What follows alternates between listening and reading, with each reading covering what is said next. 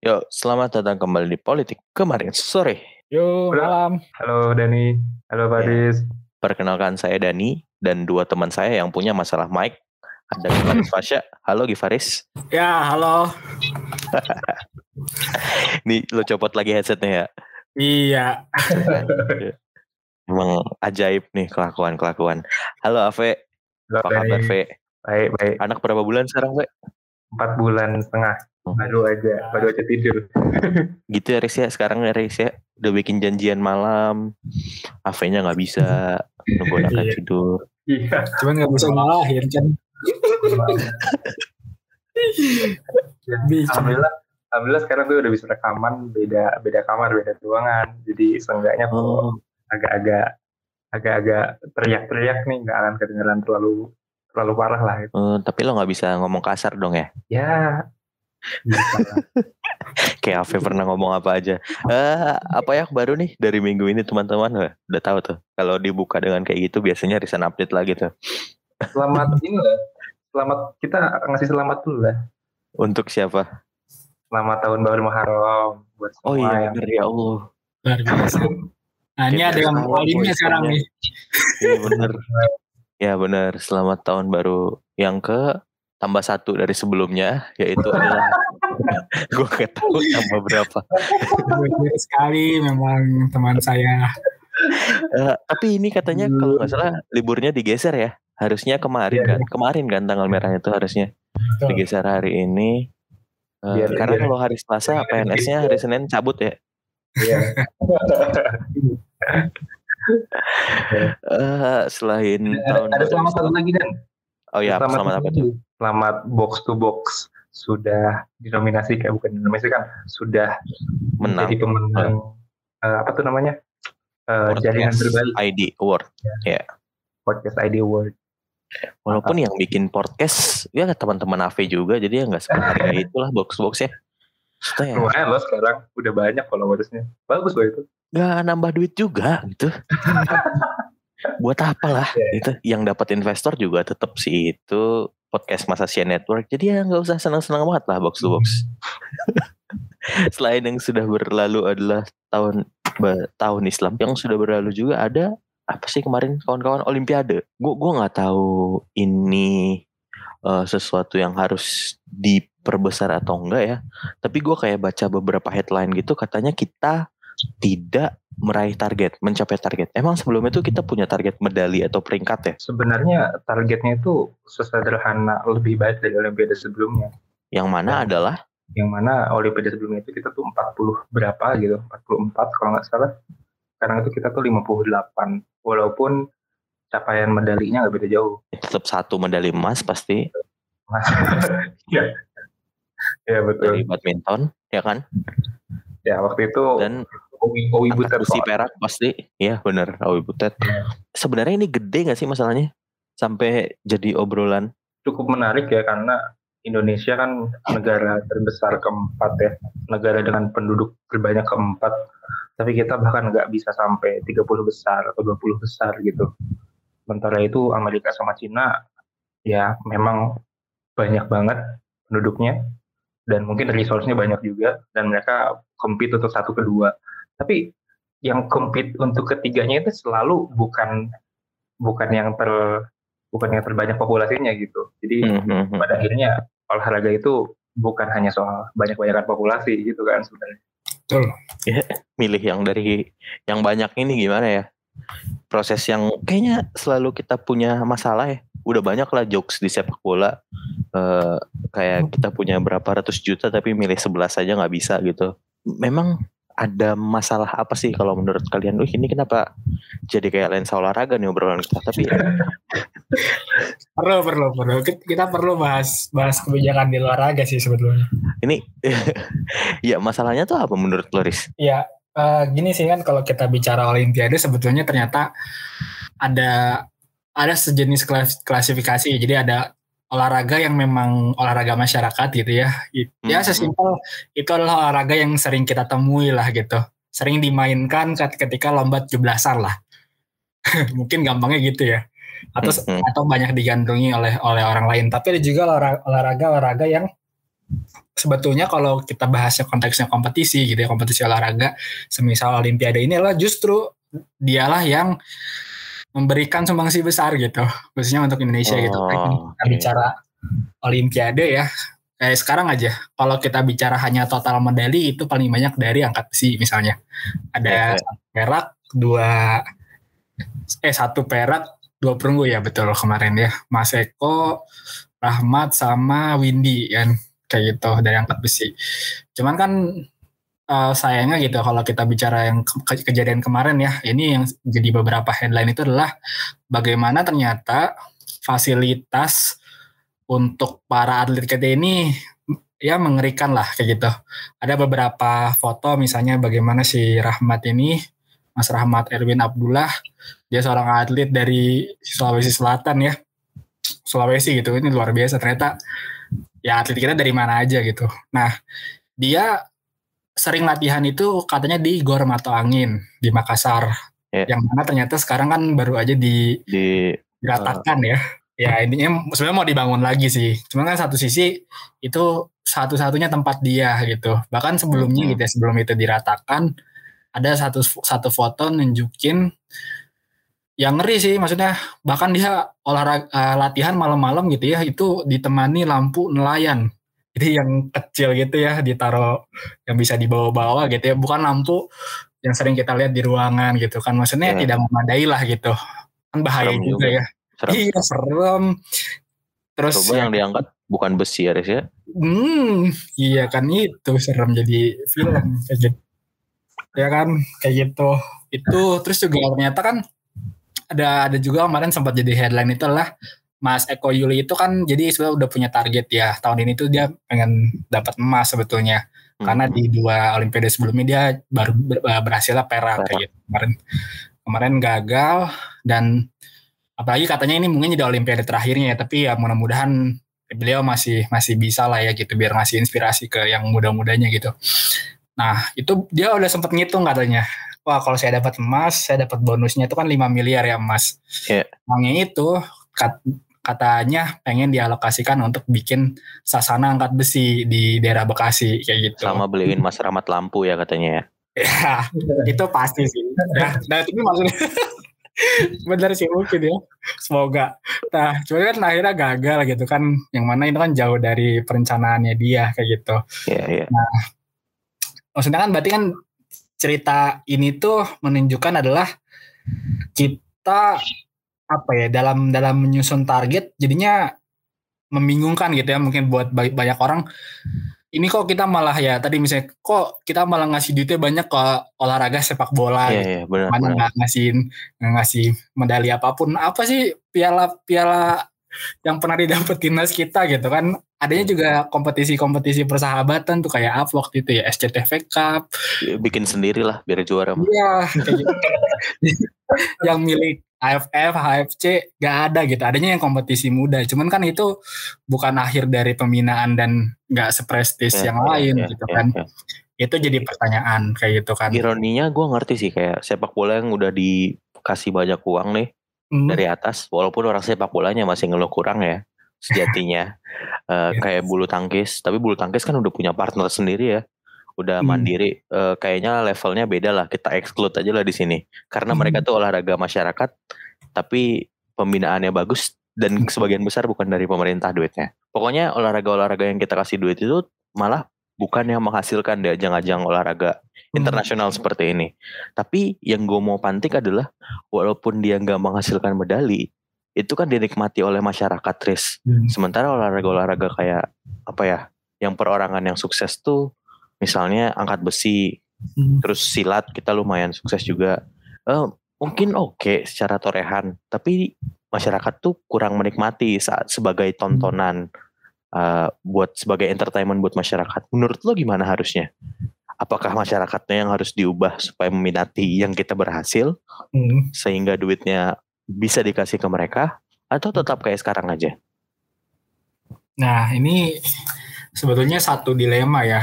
Tapi ada beberapa yang merekomendasikan itu adalah mungkin memang kita perlu memberikan ruang lebih gitu ya untuk untuk swasta gitu.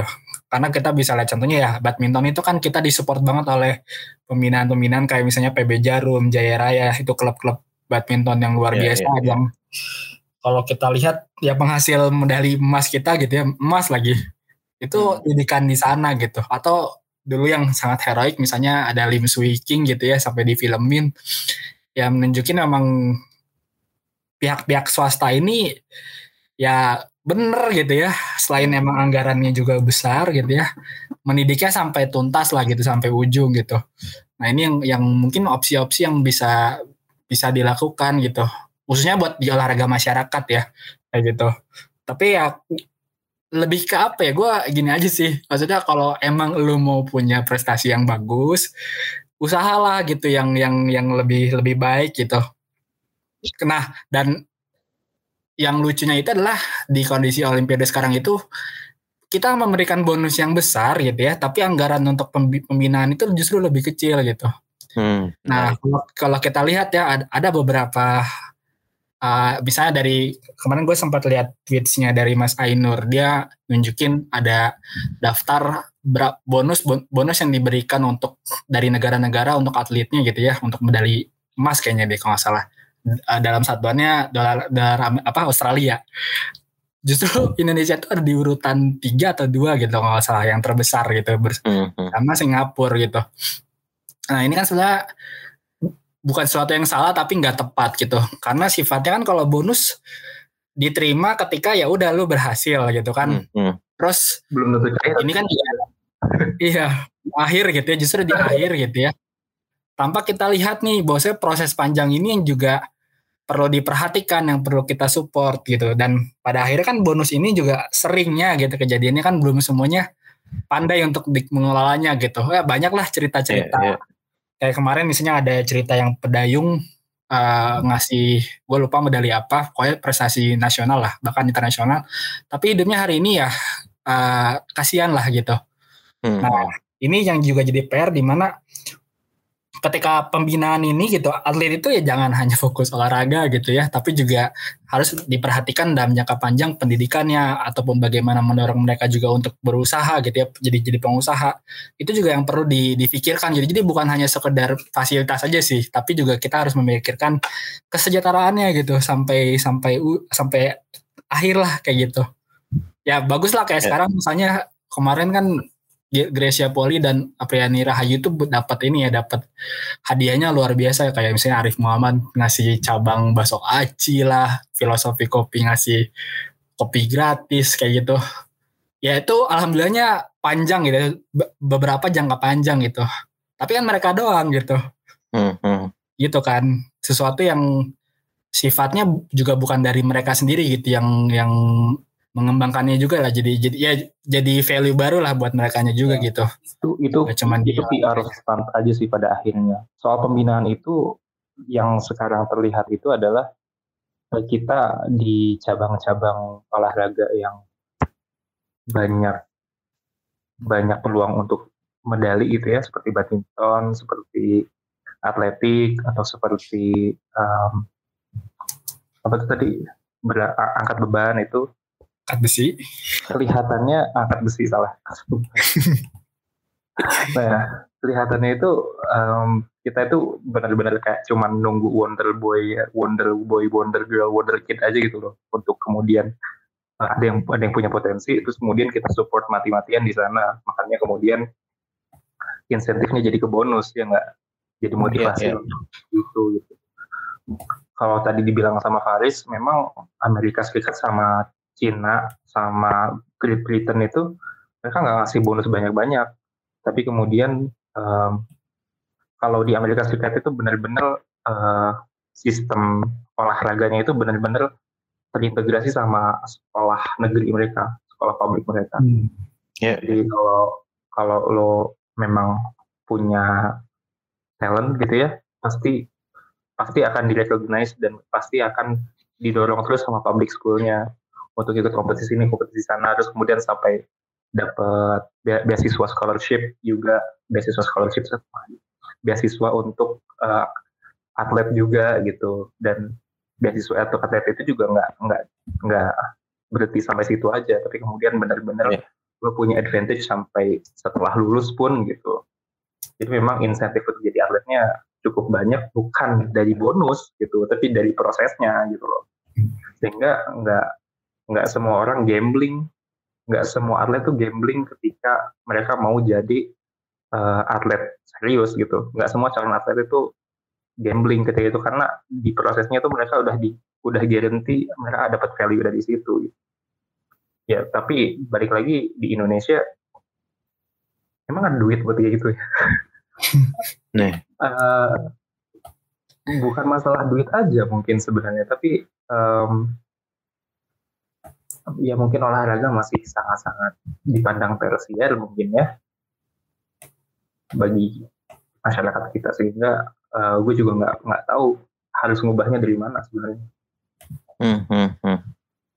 Uh, kalau ngomongin negara lain tuh kalau nggak salah Jepang bahkan bisa meningkatkan olahraganya bahkan orang bisa kerja karena prestasi olahraganya kan Ve karena yeah. mereka punya liga amatir hmm. yang di, diisi oleh para perusahaan sehingga perusahaan mulai hiring atlet buat jadi karyawan mereka tapi utamanya buat jadi atlet di klub perusahaan mereka hmm. uh, tapi itu juga harus dimulai dari menghidupkan pasarnya sih kalau menurut gua kalau pasarnya hidup masyarakatnya minat ya mungkin gua nggak tahu apa sejujur aja nggak kepikiran sih apa yang bisa dilakuin buat narik masyarakat nonton angkat besi gitu ya sejujurnya itu mungkin itu mungkin jadi pekerjaan PR terberat yang ada di muka bumi sih Riz. maksudnya ya, ya ya mungkin udah ada udah ada progres ke sana ya. Kita udah punya Champions TV 1 sampai 10 gitu.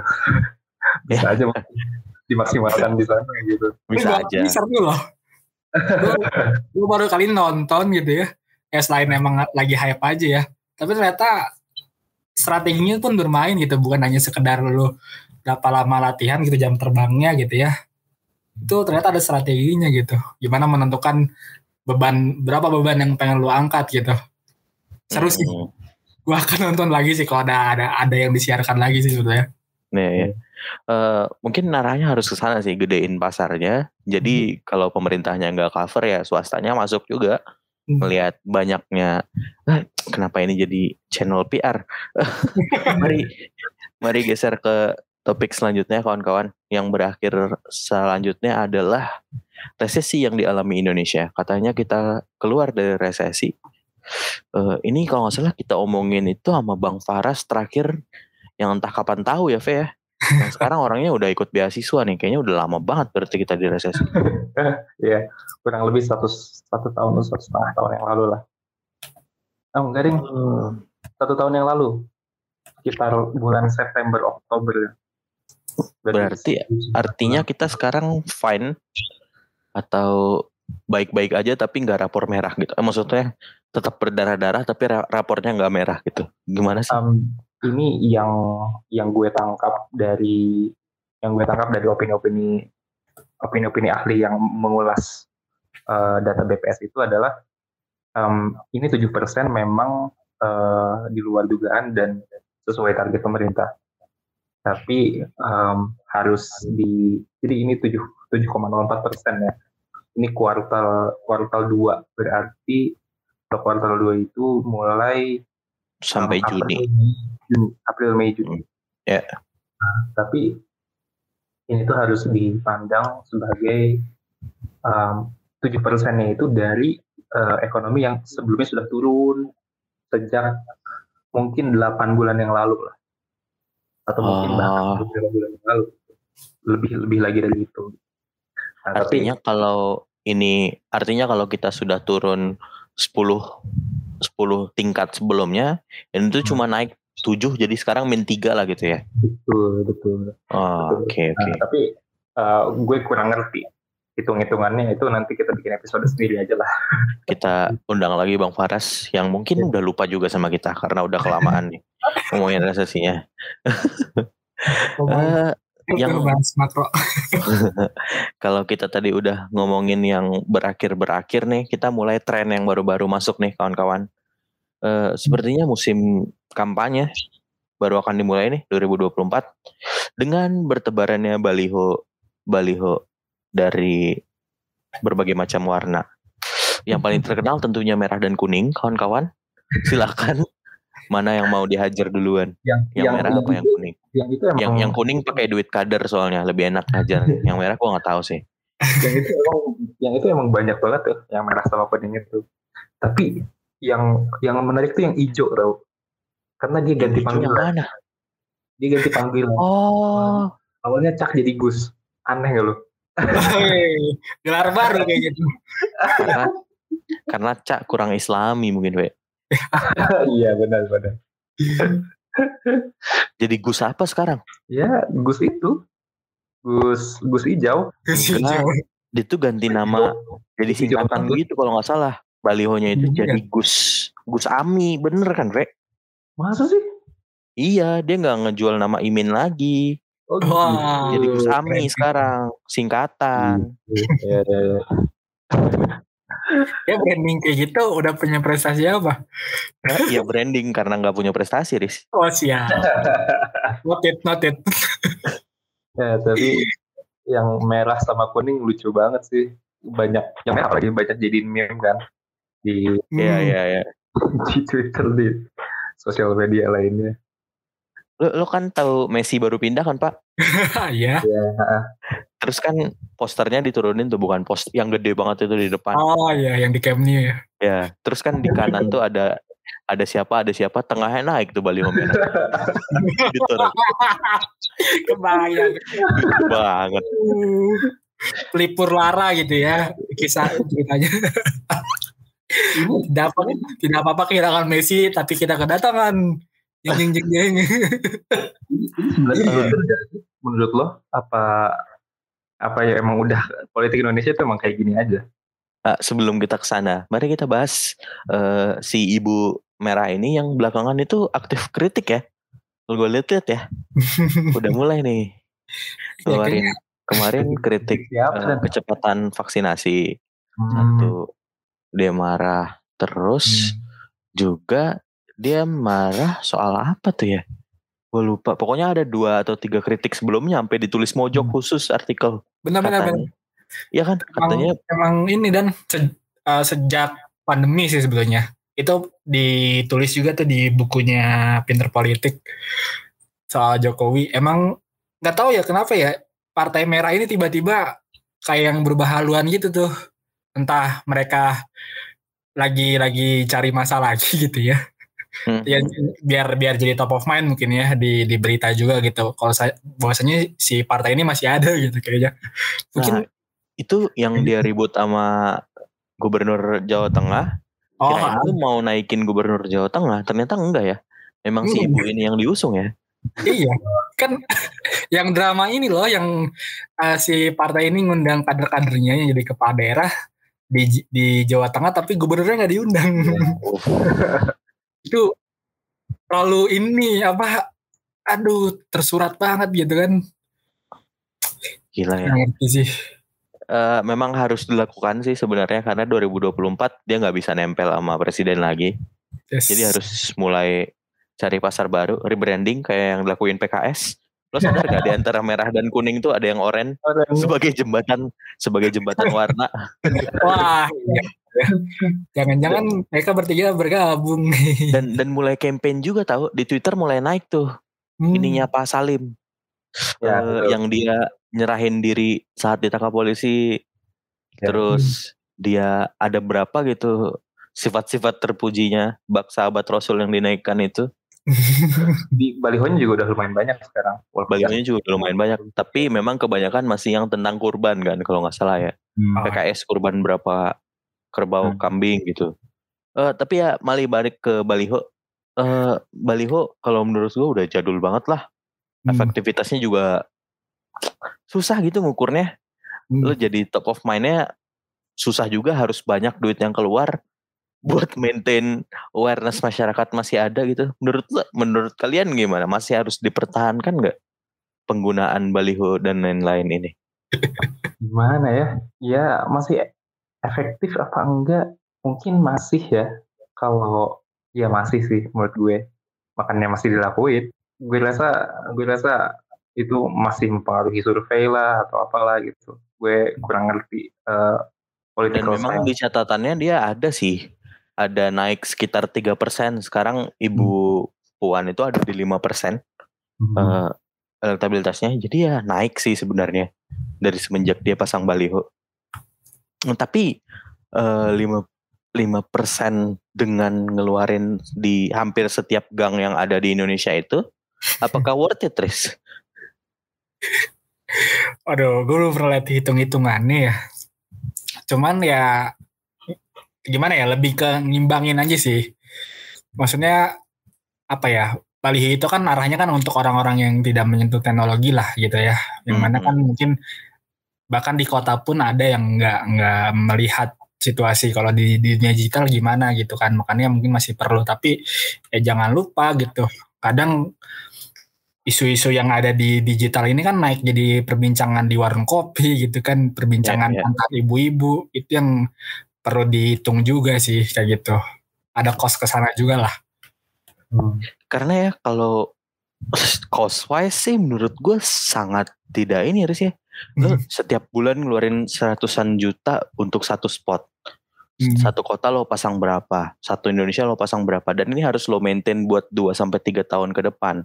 Hmm. Buat biaya politik kegedean. Terus hasilnya Beneran masih deh. 2021. Buset. Pencalonannya 2-3 tahun lagi kan. Iya. Terus juga itu boostingnya sampai angka berapa sih?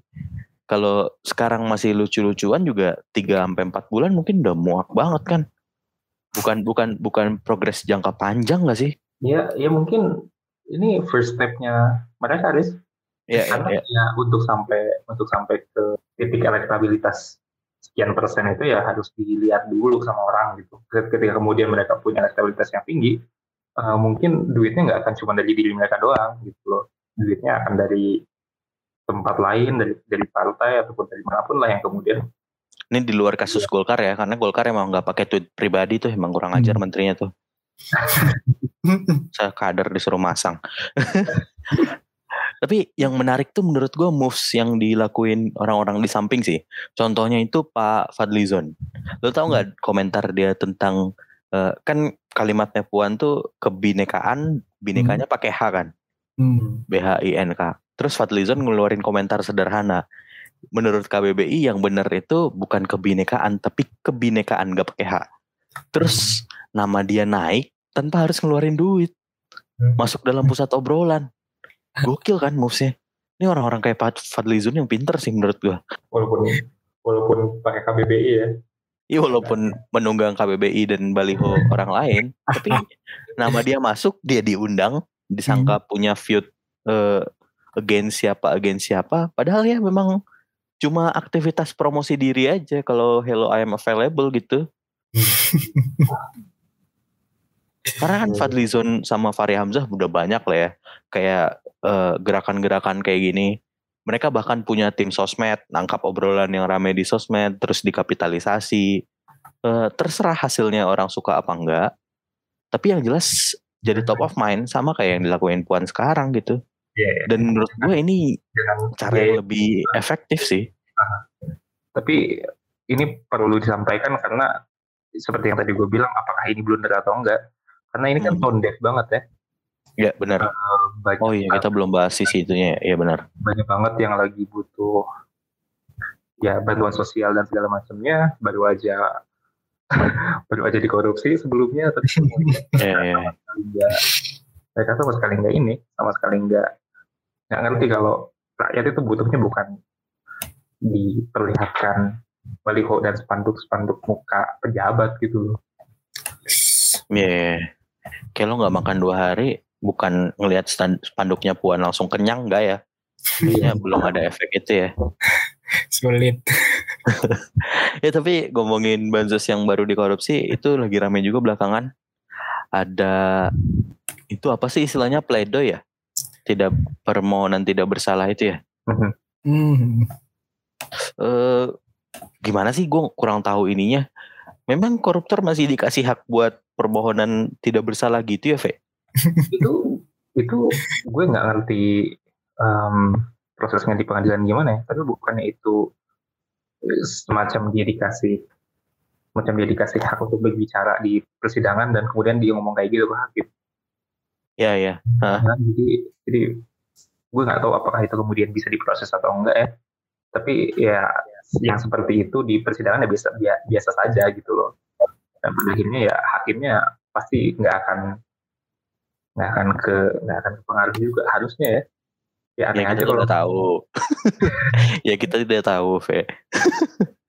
Tapi ya maksudnya kalau kalau gue pikir ininya ya, maksudnya prosesnya, ya pastilah dia mohon membebaskan ya nggak sih? Maksudnya kalau Iya. di- lo disuruh susun pledoi pasti ya nggak mungkin kan lo datang nyusun pledoi ya bapak tahulah salah saya apa diproses aja pak nggak ada kan kayak lo tidak simpatik dan tidak merasa bersalah tuh ya pasti harus kayak gini lah kalimatnya kalau nggak salah Iya, tapi mungkin ada ada strateginya memang di beberapa kasus koruptor yang lain mereka um, guilty, plead kalau mereka bersalah, tapi kemudian ada keringanan karena kooperatif dan segala macamnya gitu. Nah, gue nggak ngerti strateginya Pak Juliari ini apa. Jadi ya udah dikontol-kontolin aja.